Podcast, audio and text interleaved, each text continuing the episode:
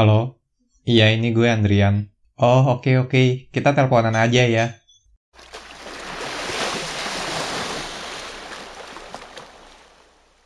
Oke, halo guys. Di episode kali ini, ini episode spesial banget karena gue akan ngobrol banyak tentang kebangkitan Yesus Kristus dengan salah satu teman gue dan dia adalah seorang anak pendeta. Plus, ini adalah pertama kalinya tamu di podcast gue, gue telepon lewat pulsa dan ini pulsa gue sendiri. Halo Bintang Aurora. Hai, Gimana? Akhirnya lancar kan?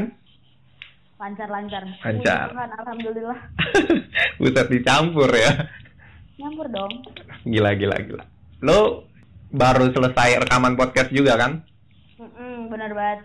Eh, dengerin juga ya podcast gue. Apa tuh? Kopi. POV, dengerin podcastnya Bintang POV. Temen-temen, kok gue cringe banget, anjir. Kayak jelas lah. Oke, yang menarik buat gue adalah enggak sih enggak menarik. Ini bikin gue penasaran. Lu adalah anak komunitas podcast kampus Unpad, bener gak? Bener banget. Baru sih, baru. Baru. Itu generasi pertama. Oh, generasi pertama. Berarti podcast kampus ini juga baru lahir di Unpad. Baru, baru banget. Hmm, tapi Baru menarik. banget. Semen- Sementara itu tuh yang bikin bukan anak Unpad. Jadi Oh. foundernya ini anak IPB. Oh, foundernya anak ITB, tapi Mm-mm. base-nya di Unpad. Iya. Kegiatannya. Unpad. Hmm.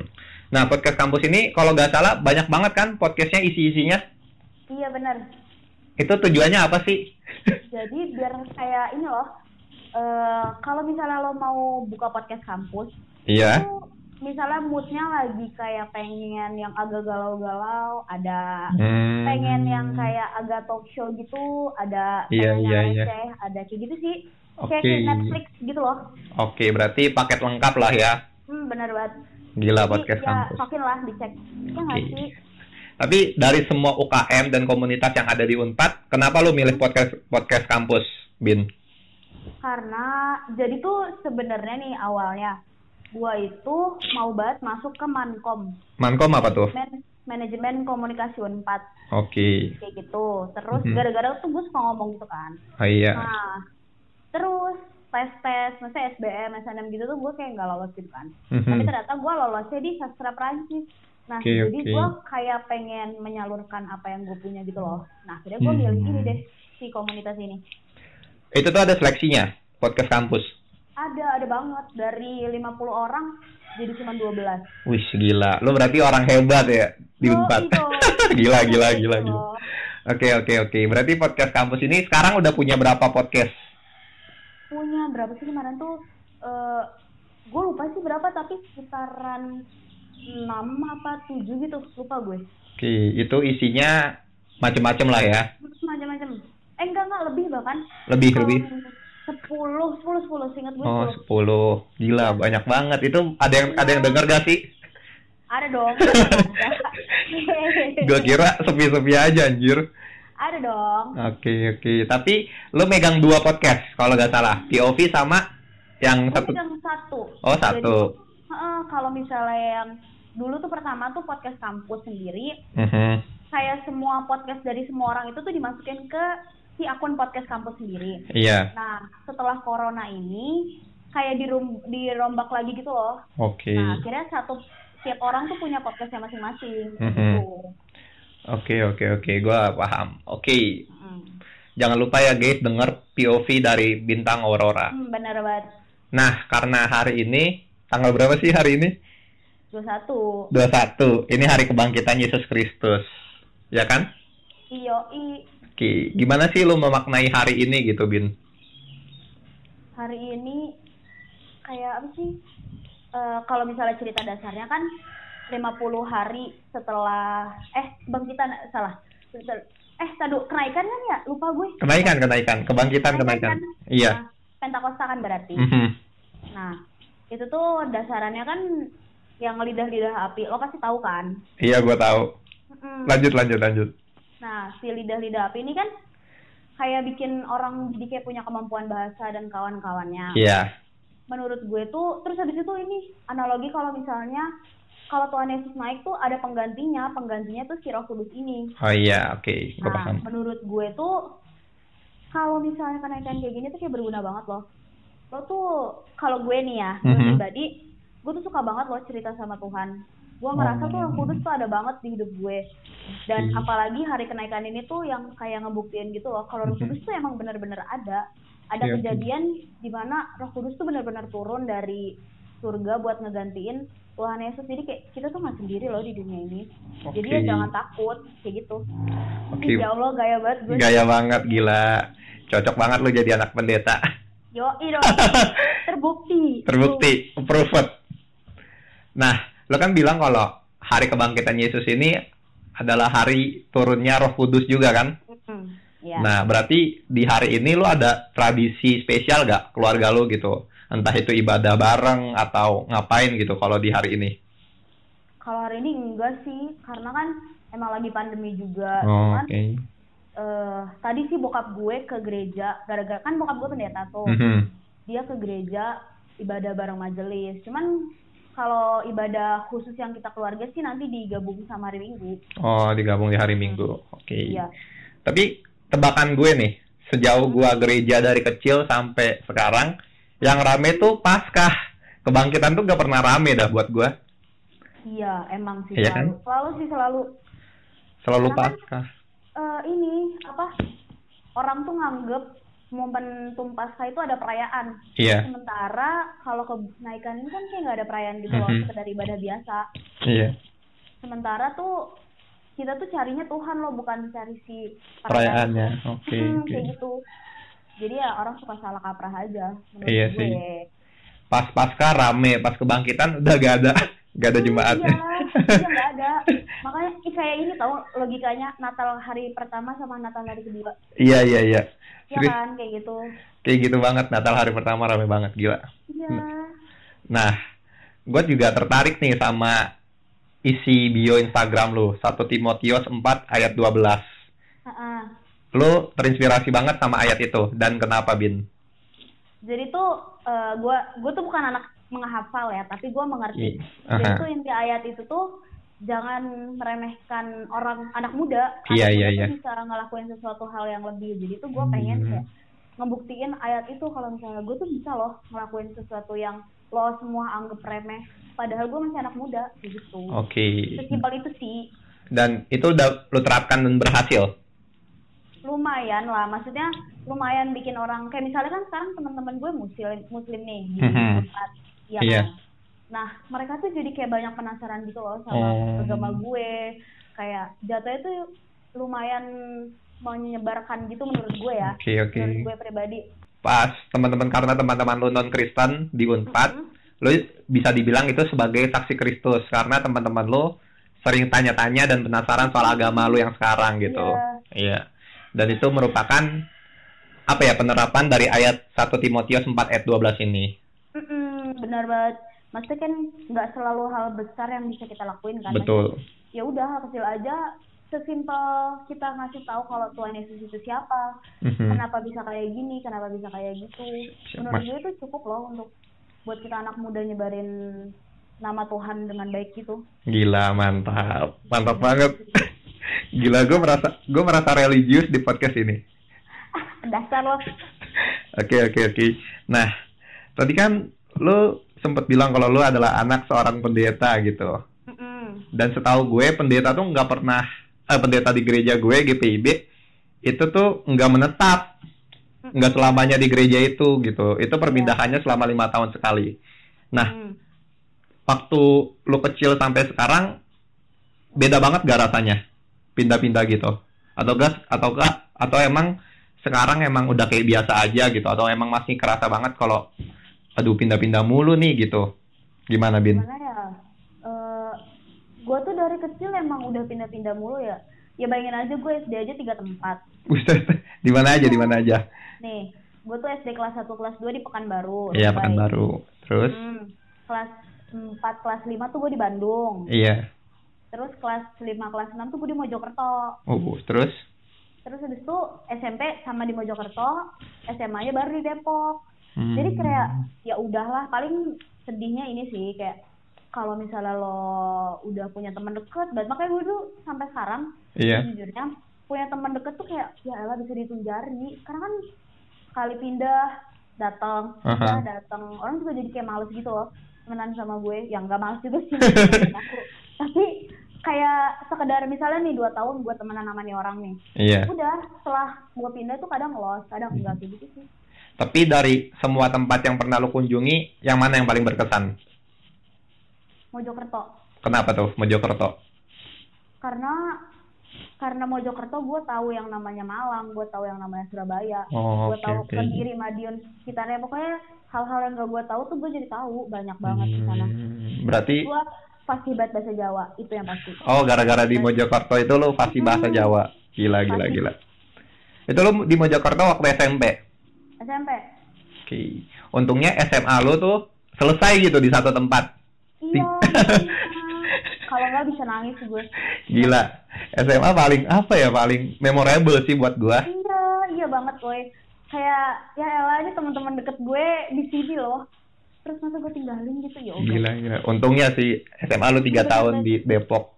Nah, tapi kan pas lu pindah-pindah itu kan lu harus perkenalan lagi nih ya, harus adaptasi Hmm, lagi. iya Khususnya di sekolah. Gimana sih teman-teman sekolah lu pas tahu kalau lu adalah anak seorang pendeta gitu? Apakah mereka biasa aja atau gimana? biasanya awalnya mereka nggak tahu kalau gue pendeta Eh, lu pendeta. eh maksudnya bukan gue bapak gue Oh iya iya.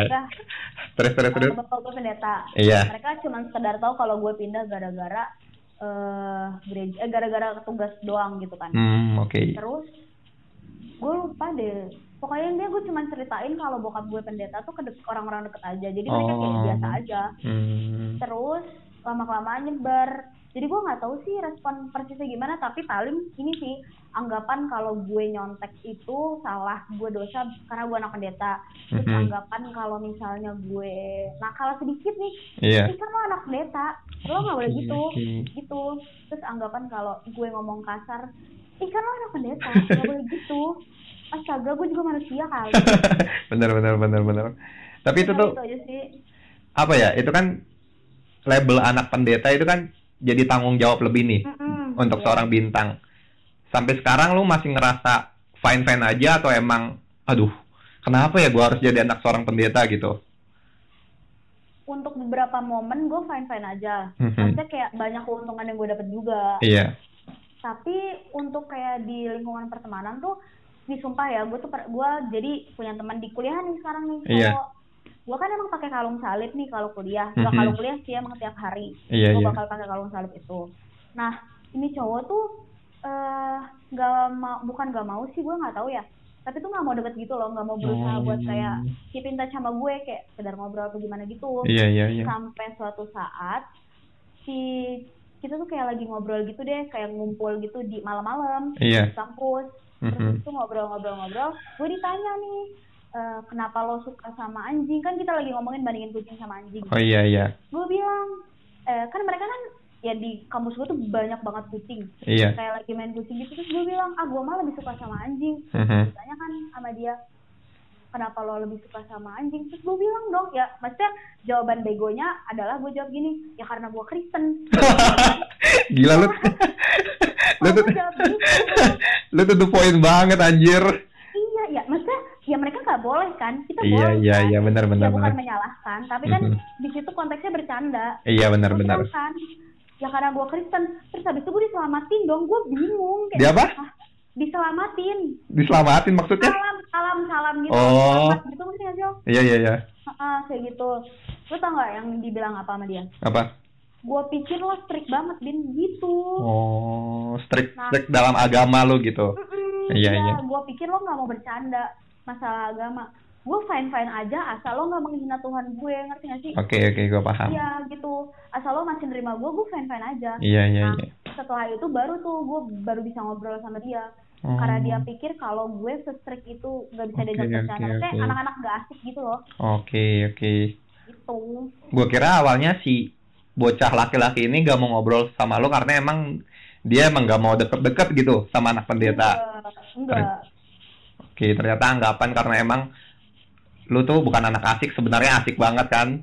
Nggak ada yang tahu ya gue nggak bisa nilai diri gue sendiri Siap, siap, siap, siap. Oh iya, tadi kan ngomong-ngomong soal anjing. Lu punya dua anjing nih.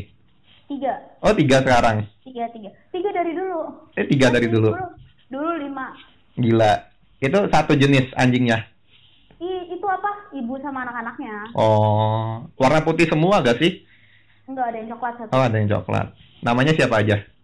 kalau yang sekarang nih Boni Kimi sama Milo Boni, Kimi Kimi, sama Milo. ah ah.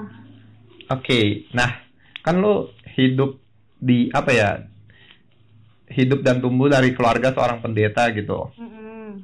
Pastinya lu pernah gak sih ada satu momen di mana kayak apa ya? Lu ngerasa kalau gua lebih lebih baik nih dalam kualitas iman dibanding teman-teman gua yang lain gitu karena secara gak secara gak langsung dari kecil lu emang udah belajar agama gitu pasti kan Hmm, gimana ya?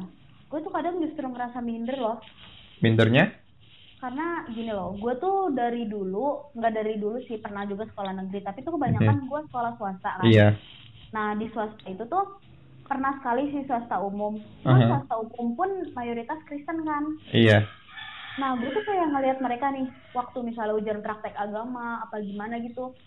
Mereka tuh hafal banget loh, hafal paten kayak eh, kitab ini, Hmm. eh, ini ayatnya ini. Terus habis itu mereka tahu nih cerita Tuhan Yesus yang bagian ini, Iya, atau iya. cerita si Nabi Musa apa gimana gitu, itu tahu. Sementara Hmm. gue, yang tadi gue bilang, gue tuh nggak pinter ngafal, tapi gue pinter ngomong dan pinter ngertiin. oh iya lebih ke iya, jadi tuh kayak gue kalau misalnya ngelihat mereka nih, mereka cerita gitu, Iya. gue ngerasa anjir gue anak pendeta malah kagak ngerti ya.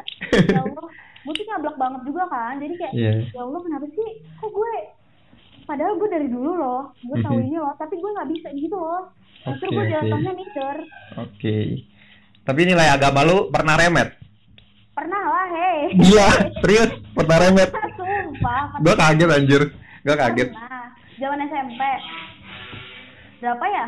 Tapi ini mah yang remet setengah kelas gitu loh. Tapi setengah juga dikit sih sebenarnya. Iya pokoknya gue pernah lah remet agama. terus respon ayah lu gimana Santuy aja. Karena bokap nyokap gue yang eh, as long as aku baik aja Oke. sama orang, terus gak ada yang protes atas diri gue, maksudnya gak ada yang gue ajak berantem lah, Mhm. atau ternyata ngelaporin ke bokap nyokap gue iya. diri gue gitu, mereka baik-baik aja. Oke oke oke. Nah ngomong-ngomong soal ayah lo nih yang pendeta, Mm-mm. lo nganggep ayah lo ini sebagai pendeta hits, ya gak? Hmm, enggak. Ada di caption Instagram lo. Ah, iya. iya iya iya. Pas lo lagi nyanyi bareng di dalam mobil, terus Oh, astaga, lo nge-stalk IG gue ya? iya gue riset. Astaga. Hahaha, ya ada itu, ha. nah terus gue juga cek nih kalau emang ayah lo juga punya Instagram gitu. Emang Itu sih? yang ngoperasiin gue. Oh itu yang operasin lo dan yang upload foto lo. Pokoknya gue semua itu Ada foto dia satu, ada foto ayah lo. iya kan? Iya. Emang sehits itu ayah lo? Eh, bokap gue tuh lebih ke apa ya? Bukan pendeta yang apa sih kayak bapak-bapak yang bapak-bapak ngerti? Mhm, Ngerti gue.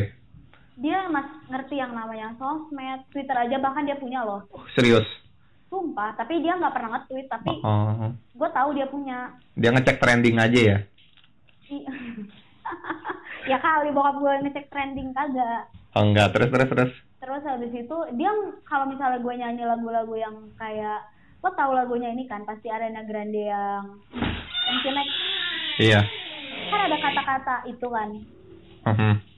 Nah dia tuh fine fine aja selama gue nggak malah kayak lo tau kan kalau orang tua zaman dulu yang misalnya dia strict yang nggak hits gitu Haha. asal ngomel atau gimana gitu dia Iya, baik-baik iya. aja Oh, Oke oke oke. Berarti sejauh ini ayah lo itu fine fine aja gitu. Fine-fine Dan hits aja. juga. Dia juga menjangkau semua orang kan? Iya, iya. Iya. Tapi untuk kayak misalnya hal-hal yang anak muda banget mah ya enggak. Hmm, Dia tapi masih tahu umur dia. tapi dia paham lah ya. Hmm, paham. Oke. Ada gak sih apa ya momen yang paling menyenangkan gitu menjadi anak seorang pendeta? Apa men- buat lo? Hmm, oh ini, ya itu sih tadi gue pindah-pindah. Mhm. Terus gue kayak pernah nginep di hotel-hotel bagus Oh, karena anak pendeta bisa nginep di hotel bagus. kagak gitu gitu dong masa enggak gara-gara bokap gue ditugasin misalnya bokap gue ditugasin di Malang gitu Iya. kan otomatis yang bookingin hotel si gereja itu Mhm. buat bokap gue nyampe ke sana jadi gue kayak pernah ngerasain gitu terus habis itu kayak dikenal orang Oke. siapa sih yang nggak kenal anak pendeta ya Iya sih, pasti pasti kan? dikenal. Heeh. terus habis itu sama paling ini sih kayak kalau perkumpulan-perkumpulan gitu gue jadi kenal lebih banyak orang aja karena kan gue suka gitu kenal sama orang-orang baru Iya iya iya iya. Berarti menjadi anak pendeta memudahkan lo untuk kenal banyak orang dan pergi ke tempat-tempat baru. banget banget banget Nah, tapi kalau momen yang nggak menyenangkannya ada. Ada lah heh ya Kirain banyak banyak banget lebih banyak enggak sih enggak lebih banyak sih tapi banyak iya, apa aja tuh apa aja? kayak tadi tuh anggapan orang nih gue kan emang anaknya agak rebel ya Mhm. gue ngecat rambut mulu nih Oh iya iya iya. Iya kan terus waktu itu tuh awal semester ini deh awal semester satu kemarin Iya. gue ngecat rambut langsung kuning nih Wah gila. tapi Ja- bawahnya doang iya Oh, bawahnya doang. Heeh, kuning nih gue nggak pulang minggu apa gue Iya. datang ke sini Mhm. eh, ke rumah gue bokap nyokap gue fine fine aja Iya iya. iya. pas nyampe gereja ada nih yang ngomongin Oh, Gitu. ngomong ngomongin kayak gimana? Ngomongin kayak gimana? gue gue nggak nggak langsung di depan gue cuman di belakang gue tapi gue dengar Mhm. ngomong kayak eh eh itu rambutnya bintang kenapa sih gitu Oh. itu kok gitu ya rambutnya gitu Maksudnya, apa sih yang suka-suka gue? Nah setelah itu gue sebulan nggak pulang lagi. Males gue. Terus setelah itu gue malah makin jadi. Maksudnya cat gue makin aneh-aneh Oh, yang kayak warnanya ada aja. Terus habis itu sama ini sih anggapan kalau anak pendeta tuh harus banget yang namanya cinta Tuhan yang kayak apa mati buku Alkitab gitu. Soalnya tuh Hmm. gue pernah sampai dibilang gini loh eh kan waktu itu ujian praktek agama Iya. suruh khotbah terus Oke. gue dibilang gini sama teman gue udah bin khotbahnya santai aja dan kayak gitu gitu terus habis itu dibilang catatan gue dari bokap gue sementara sumpah demi apa pun ya bokap gue tuh gak bakalan ngebantuin gue eh kayak masalah khotbah misalnya gue ada tugas khotbah karena dia Mhm. mau gue berusaha sendiri Oke oke oke. kayak gitu Gue paham gue paham. hmm, kayak gitu gitu sih Oke. sisanya mah ya udahlah ya Tapi gue juga sebel sih maksud gue apa salahnya gitu ngecat rambut? Karena sekarang gue ngecat rambut. Iya. bukan lo dari gue kan Iya iya iya. terinspirasi dari gue Gue terinspirasi dari lo. Bahkan ibu gue sendiri ngomong bintang yang bintang yang anak pendeta aja ngecat rambut dan itu sah sah aja gitu. oh iya sumpah Iya, ibu gue ngomong kayak gitu. Bangga banget gue Ibu gue gue sendiri gila ibu ibu gue juga kalem orangnya sebenarnya, sans gitu. Iya kan, kayak Iya. ya udah gak sih, namanya juga manusia, anak muda, kayak nggak pernah muda aja lo semua. bener bener bener. Tapi kayak kayaknya mereka buta warna gitu. Soalnya mereka nanya, ih rambut bintang apa sih gitu. Mungkin mereka gak tahu warnanya. Oh iya benar, kita positive thinking ya. Iya, kita positive thinking. Nah, Bin, tadi kan lu sempat ngomong kalau ayah lu nggak bakal bantuin lu untuk tugas khotbah atau tugas keagamaan yang lain nih, karena Iya. ayah lu mau lu belajar sendiri. Berarti Hmm. ayah lu ini emang nggak ngarahin lu untuk meneruskan jalan hidup dia gitu, menjadi seorang pendeta atau pernah? Hmm, gue sih, dia mah selama gue baik-baik aja nggak apa-apa sih, dia nggak pernah kayak kamu harus jadi pendeta ya enggak. Hmm. Cuman kadang kayak suka nyindir-nyindir mah ya pernah. kayak ih kok kayaknya eh, kan opa gue itu pendeta juga jadi bokap gue tuh Oh. terusin opa gue Iya iya iya. iya. Heeh, nah bokap gue tuh juga anak pertama jadi kayak Hmm. ya turun temurun gitu loh terus Mhm. gue pernah sempet sempet disindir sendiri gitu cuman kayak gue ah enggak ah nggak mau ah aku yang lain aja gitu Oke dan nah enggak eh, sekelibat doang oke oke. Dan bokap lu fine fine aja sama itu. baik baik aja ya kalau nggak fine dia nggak bayarin gue kuliah sekarang dong iya iya iya iya iya. Ngomong-ngomong so- ngomong-ngomong soal kuliah nih, yang lu ambil justru sastra Perancis. iya Itu kenapa tuh lu ngambil sastra Perancis? percayalah itu gue nggak ada tujuan masuk sastra Prancis kayak itu tuh pilihan jadi tuh 75% pilihan Iya. gue ke Jogja Oke. Swasta gue ngambil Jogja Mhm. PTN pilihan pertama gue ngambil Jogja Mhm. Gak tau nggak lolos sih emang bukan jalan Tuhan kali ya terus 25% tuh gue ngambil di Bandung dan itu tuh eh, Jatinangor deh bukan Bandung Bandung coret Sumedang ya? hmm Sumedang Iya. Jatinangor 25% tuh gue ngambil di Jatinangor Tan tapi tuh emang sebenarnya gue udah riset banyak banget di Jatinangor dari dua tahun yang lalu. Oh, Dan bukan dua tahun yang lalu maksudnya dua tahun dari pertama gue masuk kuliah. Iya iya iya iya. ya gue udah riset. Tapi yang tadi pertama kali gue bilang tujuan gue itu ke Mankom bukan ke sastra Prancis Oke.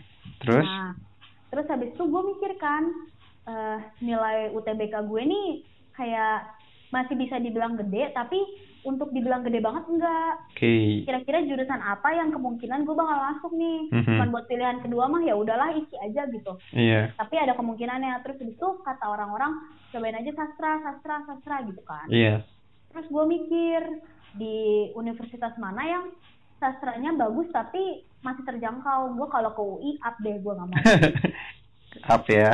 up gue terus habis itu gue mikir kan udahlah gue dari riset banyak banget nih di unpad Iya. udah gue pilih unpad gue cek kan sastranya apa aja Mhm. sastra sasindo gue kayak ya lah gue nggak mau lah belajar Indonesia Indonesia lagi Iya. terus, Terus? kalau Inggris kayaknya masih bisa dipelajarin lewat hal lain deh Asik. Terus terus? Iya kan? Iya bener-bener. terus habis itu apa ya kira terus kalau kan ada Rusia Jerman gitu-gitu gue nggak mikir tuh kalau gitu tuh Oke. gue cuma mikir gak tau kenapa ya gue cuma mikir kayak apa Prancis ya gitu Terus terus terus? otak random gue tuh random banget jujur Oke, sumpah oke. ya gue tuh nggak pernah gue punya plan tapi plan gue selalu gagal Oke. iya nah terus abis itu gue mikir ya udahlah isi aja sastra Prancis Hah. Oke nih gue tulis sastra Prancis.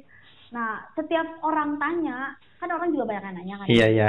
Kenapa milih itu? Kenapa nggak milih sastra? Kenapa nggak milih sastra, Jepang? Mhm. Gitu kan. Gue bilang Prancis kan eh, fashionnya bagus. Itu gue ngaco banget. ngaco Astaga. Prancis kan fashionnya bagus. Kali aja aku bisa kontribusi di fashion fashion itu. Oke. Padahal gue nggak bisa nggak nggak sama sekali loh. Kayak kepikiran gitu-gitu kayak ya udahlah ya. Oh, ternyata lolos dong. Ya Tuhan terus gue kayak seneng apa sedih ya. Setelah itu sumpah ya gue nggak bohong gue demam. Lu demam? Iya setelah gue dapat pemberitaan dari eh beritahu dari si itu TBK-nya gue demam. Itu Kayak? I- soalnya tuh awalnya kan tulisannya selamat. Iya. Gue pikir nih, gue tuh pilihan pertama kan UPN Jogja nih. Gue udah Mhm. berharap banget nih UPN Jogja kali ya sama Unpad kan UPN Jogja gitu kan. Iya. UPN Jogja nih. Ya Tuhan Unpad dong. Terus sastra Prancis tuh gue yang kayak demam gue sumpah demam sakit perut. Kayak langsung campur aduk gitu. Oke, Efek oke. banget deh. Parah deh. Gak ada tujuan sumpah. Itu tapi lu ambil akhirnya. Ya kalau gue nggak ngambil gue nggak kuliah coy. Itu Karena- last minute banget. coy. Oh. Kan ada gap year. ah gue kalau gap year gue mikir nih tahun depan ini bokap gue pindah Iya. nah masih ngebayang gitu loh eh gue kuliah di mana ya Hmm. misalnya gue udah rencanain A B C D ternyata bokap gue pindah kan lebih hancur lagi hati gue Iya benar benar benar. benar. Nah, tapi lu sekarang udah semester 2 berarti. benar Dan lu enjoy-enjoy aja di sastra Prancis. Hah enjoy apa itu enjoy lu tersiksa di sana. gimana sih ya belajar bahasa baru ya Iya. stres banget Oke. Tapi kayak tapi gue les oh lu les. gue les lagi sama alumni jadi ngebantu Oke. Seenggaknya lu masih suka ya karena lu les gitu. Ada usaha lah Hmm, buat bisa. iya. sama kariris yo Oh iya, kariris, riris. Masuk PTN gak sih? yo ay Iya, iya, iya. Dia narasumber tuh di acara gua waktu itu. Ih, sekarang gue deket banget sama dia. Dia dulu Zenius kalau gak salah kerjanya. oh iya, gue nggak tahu sih. Iya, dulu. bareng Bang Sabda. Oke, kenapa kita ngomongin Riris? Karena dia guru les gue dan Oke. narasumber lo ya kan. iya bener bener bener bener bener. Tapi lu bukan anak yang bahasa banget gak sih? Lu suka bahasa gak sih sebenarnya? Eh, gue lebih kalau bahasa tuh misalnya ngomong gue suka tapi kalau nulis buat yang baca gue cuman baca juga novel romance bukan novel yang kayak berat-berat gitu Hmm. jadi tuh suka nggak sih enggak ya eh nggak tahu sih. tapi gue suka ngomong Oh, lu suka ngomong. Tapi Hmm. lu bisa ngomong bahasa Perancis. ya kalau bongju bongju aja mah bisa lah Bonjour, bonjour bisa bonjour. salah bacanya bonjour Oh, bonjour. Nah, itu juga yang menarik sih buat gua dari Prancis gitu. Tulisan dan ucapannya tuh beda banget, sumpah. hmm, banget banget banget Gue pernah sekali tuh nyoba baca dan itu salah. apaan emang lo baca masih inget Gue lupa, gue lupa. Pokoknya yang gue pikirnya gampang nih awalnya. Pas Iya, gue baca, ternyata salah, gila. sumpah susah banget jujur di Prancis tuh eh, lo tau tulisan matin kan Iya, matin itu artinya pagi dibacanya matang gila. Dibacanya pagi, eh kebalik ya gue. Enggak dibaca eh, jadi tulisannya matin Matin. itu artinya pagi Aha, tapi kalau di Prancisnya bacanya matang matang.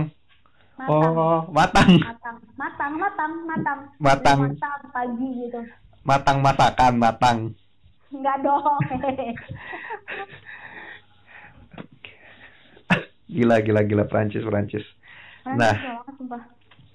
Tapi selain kegiatan lo di podcast kampus ini, lo ada kegiatan lagi gak? Gue tuh jujur ya seminggu ini tuh lagi produktif banget tau Wih, ngapain aja tuh? Lagi produktif tugas Terus, tuh udah berkurang karena kan udah mau uas juga iya, iya, iya. gue tuh eh, kepanitiaan gitu kan Mhm. kayak ngerekap sana sini ini tuh lagi jalan gitu Iya, iya, iya.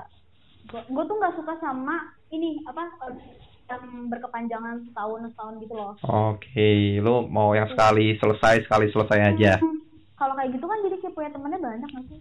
Iya sih, lebih ya kan? nggak cuma di satu tempat. Mm-mm, kayak gitu.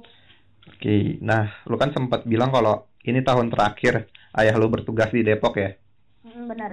Nah, momen paling berat dalam perpisahan perpisahan kayak gini tuh apa Bin? Buat lo? apa ya? Temen sumpah. Gue tuh udah nangis berulang kali tau.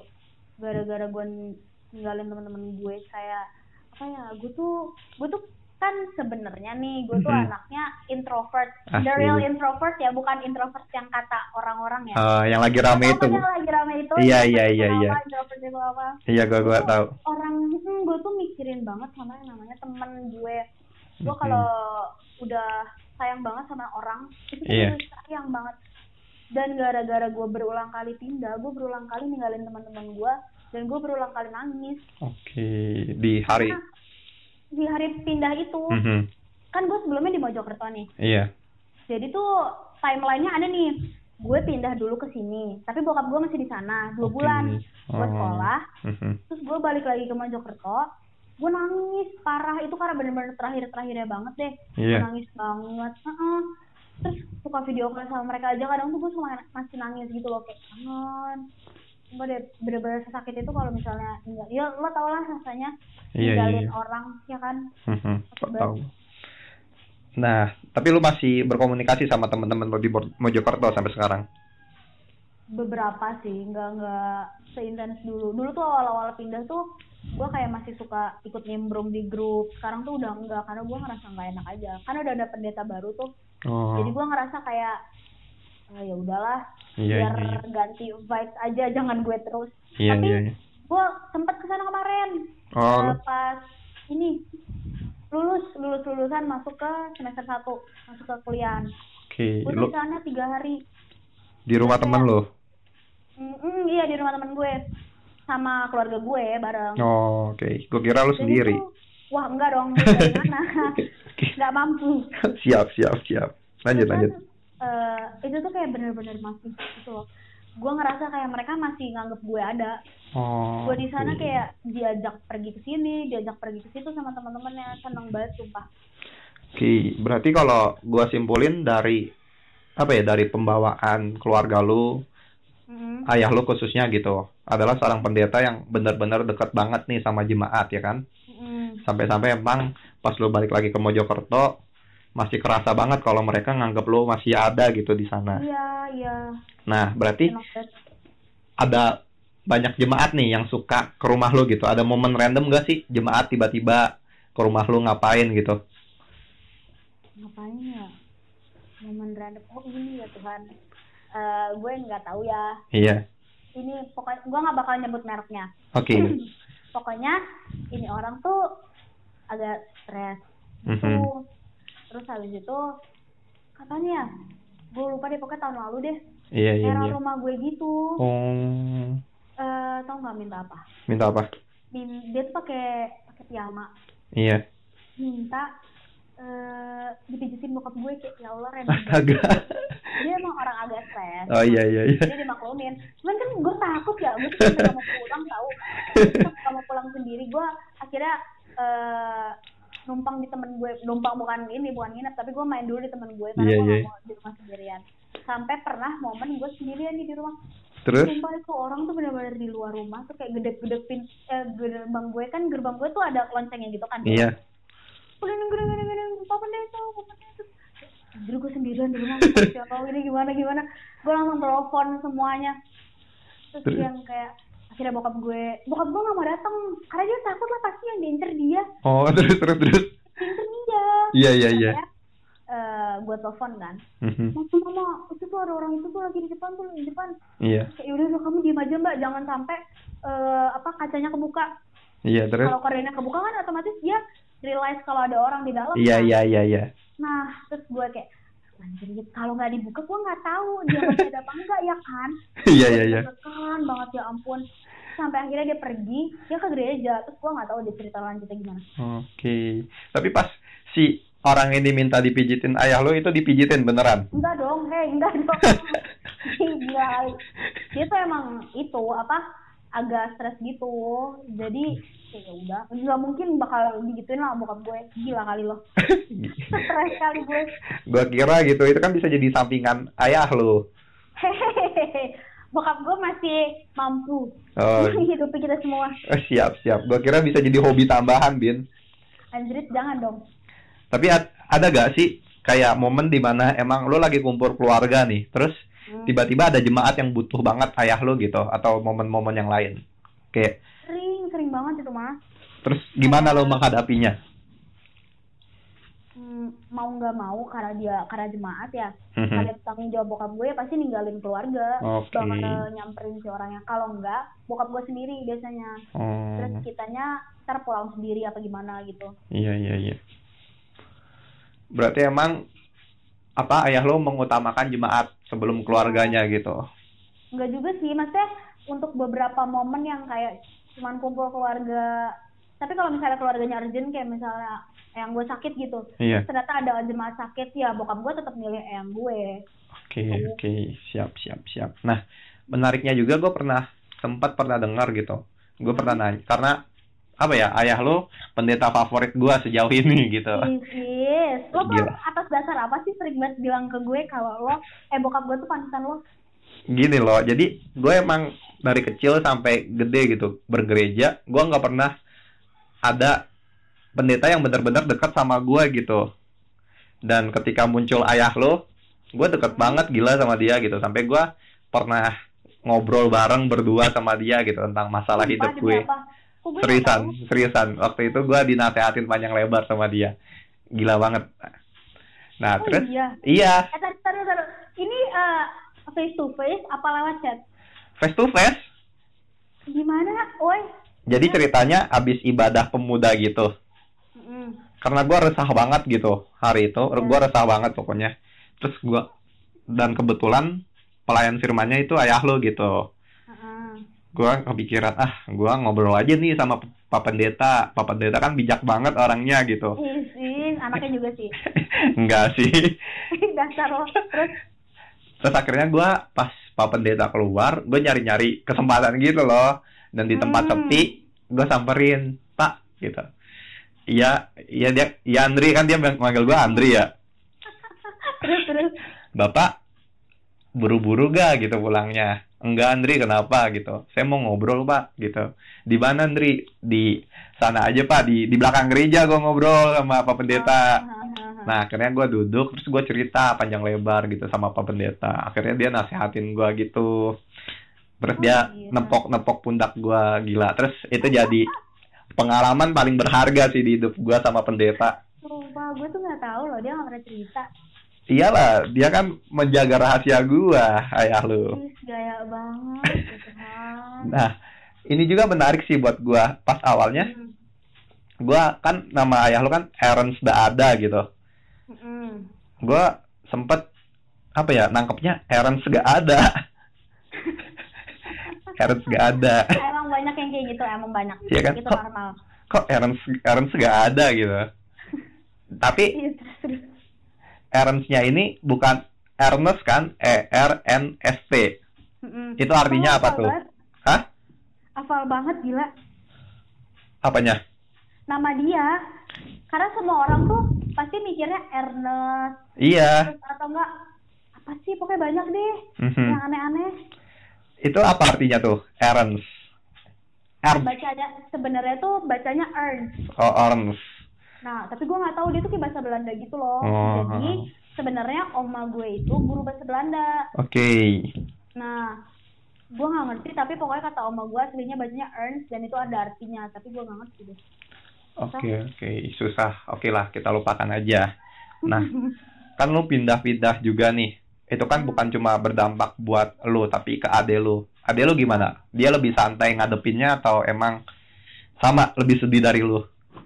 kalau dia tuh tipe anak yang cuek Oh. Eh, dia sedih tapi bukan tipe yang kayak nangis nangis gitu dia kalau nangis tuh dipendem Hmm. jadi kayaknya lebih cengengan gue deh terus eh waktu nih yang kocaknya adalah gue itu kan di Pekanbaru ya Iya.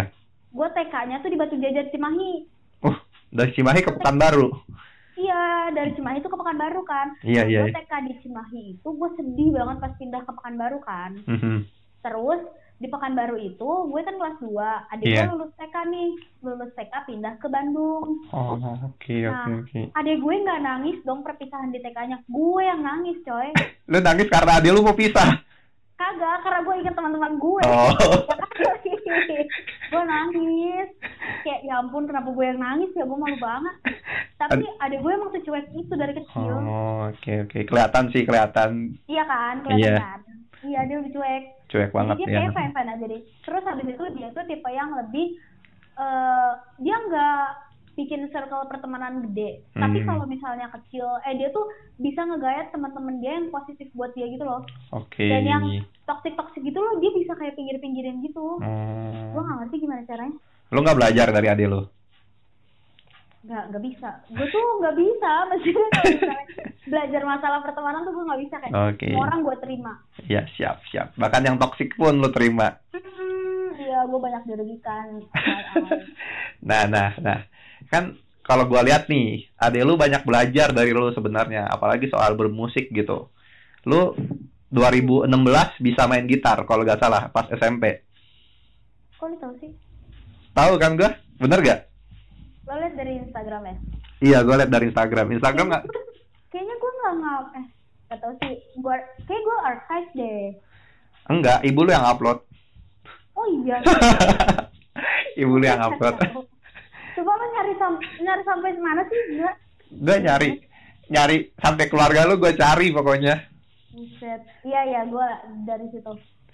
Nah, terus sampai sekarang lu tuh nggak bisa lepas gitu dari yang namanya musik. Lu suka cover dan lain-lain. Pernah gak sih ada satu momen kayak lu ngapain sih cover-cover lagu terus gitu? Suara lu jelek gitu. Pernah gak kayak gitu? Pernah gue pernah banget. Serius? Apalagi sekarang kuliah Mhm. itu teman-teman gue literally berjibun yang bisa main musik, yang bisa nyanyi, itu tuh makin insecure gitu loh. Iya. Eh, makanya tuh akhir-akhir ini gue kan jarang upload tuh Mhm. karena gue ngerasa ya elah bin banyak hal lebih bagus juga jadi gue masih belum bisa mengatasi keinsecurean gue karena dulu tuh gue sering banget kayak Iya, iya. seminggu tuh gue bisa sekali sekali dan sekarang tuh jarang banget Oke, berarti lu juga orang yang insecurean banget nih. sangat amat insecure Tapi ada cara buat ngatasin itu gak? Lu udah nemu belum?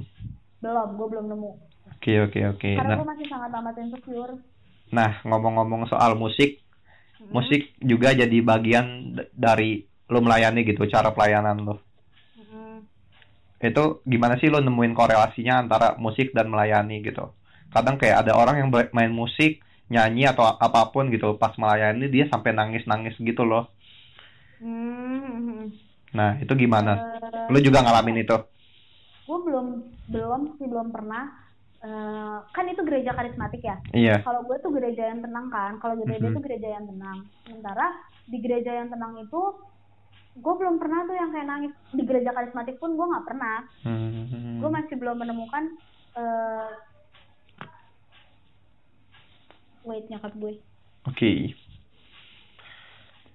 eh gue masih belum menemukan kayak momen di mana gue bakal nangis pas lagi di GPID gitu. Tapi gue ngerasain nah lewat musik itu eh, lo tau lagu ini gak sih? Eh, di saat badai bergelora gue tuh pernah nangis Iya iya iya iya. tapi di kamar gue sendiri di kosan gue. Oh, oke. karena tuh emang gue lagi di masa-masa insecure-nya parah banget. Eh, gue sampai bolos kelas gue sampai seharian ngurung diri di kamar gue dengerin lagu rohani doang. Mhm. itu tuh gue nangis. Itu untuk pertama kalinya kayaknya gue nangis gara-gara nyanyi itu. Dan gue bener-bener nyanyi sekenceng itu. Di kosan. Ya, ah di kosan gue. Keren banget gak sih? Terus itu eh kalau buat melayani di gereja paling gue pernah sekali sih sekali doang. Itu juga main cuman main ukulele doang. Terus sama nyanyi gitu gitu terus sisanya gue nyanyi bantuin orang apa Mhm. ngiringin apa Iya, ngiringin kayak orang narik gitu Oke oke berarti musik rohani menyembah melalui bermusik gitu. Menyembah Mm. bermusik kan, bernyanyi gitu Iya, kan. iya Itu benar-benar bisa menguatkan lo. banget banget Oke. Nah, karena lu tumbuh di apa ya di keluarga pendeta, ini gue udah dua kali ngomong kayak gini. nggak apa-apa Ada gak sih kayak kebiasaan yang emang berbeda dengan keluarga lain gitu? Misalnya setiap hari harus baca satu ayat Alkitab, harus do- wow harus doa pagi dan doa tidur gitu. Ada gak?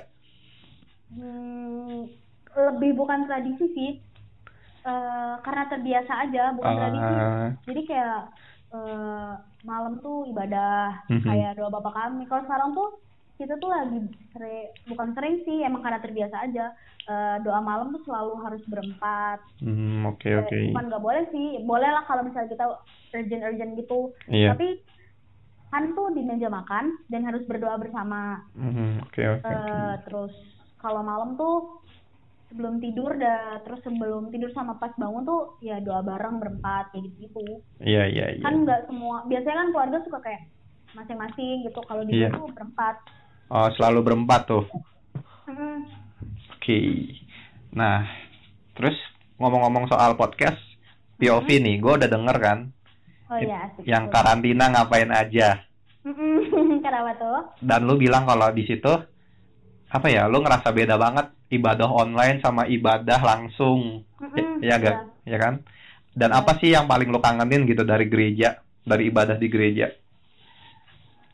Sesimpel ketemu orang gak sih Ketemu teman-teman lu ya? teman Hmm, oke oke. ya teman gue juga nggak banyak sih sebenarnya di sini Eh, gue nggak banyak kayak cuma satu dua gitu tapi kan kalau ketemu orang tuh energinya be lu beda nggak sih rasanya gereja di rumah sama gereja di bangunan gereja ya walaupun gereja itu bukan gedung tapi gereja itu orang Asik. tapi ibadah di gereja soalnya beda lu Oke. ngelihat pendetanya secara langsung iya, ya walaupun iya, emang iya. pendetanya bu cuman kan bokap gue nggak khotbah di rumah bokap gue tetap nonton dari video itu Oh Ya iya kan? Iya gitu. iya iya. Oh iya berarti oh iya ya. Berarti pas iya minggu lu ibadah online, ayah lu tuh nontonin dirinya sendiri. nonton Oh iya. Makanya tiap Rabu juga Oh, iya. ibadah Rabu Oh, iya iya iya. Gue baru satu kali loh nonton video itu, video Parah ibadah banget. online. berarti lo nggak pernah ibadah kan Ibadah gua kemarin satu kali. Sagayan Tapi emang lupa kasih berkat aja lu Astaga. Gue ibadah deh. Tapi gue subscribe, udah subscribe gua. eh subscribe itu tidak beribadah Oh. kan Oke oke oke oke. Emang bener sih kata lu ketemu orang gitu menyembah rame-rame tuh emang feelnya Iya. beda Beda. dari menyembah sendiri dan momen yang paling gua suka pas ibadah di gereja tuh gereja sore sebenarnya kenapa emang itu tuh sepi banget dan gua duduk di paling pojok di paling belakang gitu. Dan emang kan depannya kan gak ada orang. Terus gua langsung agak arah pandangan gua langsung ke pendeta gitu. Pas dengar khotbah tuh lebih masuk gitu loh lebih fokus. Hmm. pas gua ibadah online tadi ibadahnya tentang apa ya? Gitu gua. Iya jujur gue ngantuk sih sebenarnya. Terus karena kayak kan gak seru ya. Iya iya iya gak seru gak seru banget. Nah kayaknya dari hal yang bikin gua penasaran tentang lu nggak kayaknya sih. Emang udah kejawab semua gitu bin. Ah. Satu lagi gitu. Gimana sih? Lu kan sebagai anak seorang pendeta punya tanggung jawab lebih. Mm dan gue juga sih sebagai saksi Kristus gitu di dunia ini. Dan apa sih saran dan tips lo gitu untuk menjadi saksi Kristus yang sebenar-benarnya di dunia ini? Gila gak sih Berat. Yalah, gimana ya? Eh, kalau kayak do apa ayat yang gue kutip di Instagram gue tadi itu, iya jadi sesimpel lu nyebarin nama Tuhan Yesus itu tuh berguna banget loh. Kayak Mhm. banyak loh yang masih penasaran tentang Tuhan Yesus. oke oke Tuhan oke Yesus itu siapa? Kenapa salib itu jadi tanda kita? Mhm. Kan masih banyak yang pikir kalau oh lu nyembah kayu. Enggak, Oke. enggak coy. Kita tuh bukan nyembah kayu. Mhm. Kita tuh nyembah Tuhan Yesus yang disalib di kayu dan itu tuh cuma sebagai simbol bukan berarti kita nyembah itu Tuhan Yesus. iya iya iya Dan kita tuh nyembah Tuhan Yesus yang ada di surga bukan berarti kita kayak eh, nyembah simbol-simbol yang gak penting gitu. Nah, terus Mhm. habis itu eh sesimpel lu kayak eh eh gue mau ibadah hari Minggu. Sorry ya gue nggak bisa kerja kelompok hari ini. Iya. Berarti kan kayak lu tuh lebih mementingkan Tuhan Yesus dibanding tugas lu. Karena Iya, menurut iya. gue nih ya tugas lu bisa selesai kalau lo berdoa. Ya nggak sih? Iya setuju. Iya kan? Iya. ya lo bisa ngerjain nih. Lo ngerjain panjang lebar panjang lebar. Ternyata salah. Karena cuma satu kesalahan kecil sakit hati nggak sih lo sakit hati gue Nah, pengalaman gue adalah gue udah ngerjain panjang lebar. Mhm. Ini gue udah nyusun rencana panjang lebar yang tadi gue bilang gue pengen mankom. Gue udah nyusun rencana panjang lebar ternyata gagal dan ternyata gue dapetnya di sastra Prancis. Mhm. Cuman kan ya bukan kesalahan siapa-siapa emang jalan Tuhan gue di situ dan Oke. gue tuh kayak setiap ditanya gitu kan "Eh, lo kenapa milih sasper kenapa lo milih sasper gak tahu ya eh, emang gak ada tujuan aja cuman kayak yang tadi pertama kali gue bilang kan sempat Mhm. ya emang jalan Tuhan aja berarti kan secara nggak langsung tuh lo ngasih tahu ke dunia kalau ini Tuhan tuh ngasih jalan lo buat lo. Oke Gak, oke. lu kayak ini lo tau gak sih? Semuanya kita boleh berencana tapi Mhm. yang mutusin Tuhan. Betul setuju gue. Ya kan? Iya iya Nah, iya. itu tuh yang gue pegang banget jujur di hidup gue jadi Oke. setelah itu tuh gue kayak suka jarang merencanakan sesuatu yang pasti. Ya udah biar Tuhan aja yang ngasih gue jalan hidup. Ini lo jalan lo ini lo jalan lo kayak gitu Oke oke gue paham. Berarti bukan ketika lo ngomong ini jalan Tuhan lo gitu. Gue masuk sastra Perancis karena jalan Tuhan, bukan karena lo emang menyerah sama takdir gitu, tapi emang lo berserah sama keputusan Tuhan Hmm, iya mau bawa Tuhan lo bukan ke mana. berarti menyerah kan Mantap. Setuju gak? Setuju Iya. gak? Dan satu lagi nih, karena emang yang denger podcast gue tuh dari berbagai macam latar belakang, Mm-mm. asik. Dan mungkin ada yang tertarik untuk masuk sastra Perancis juga. Apa Oh, iya, apa saran lu buat mereka gitu?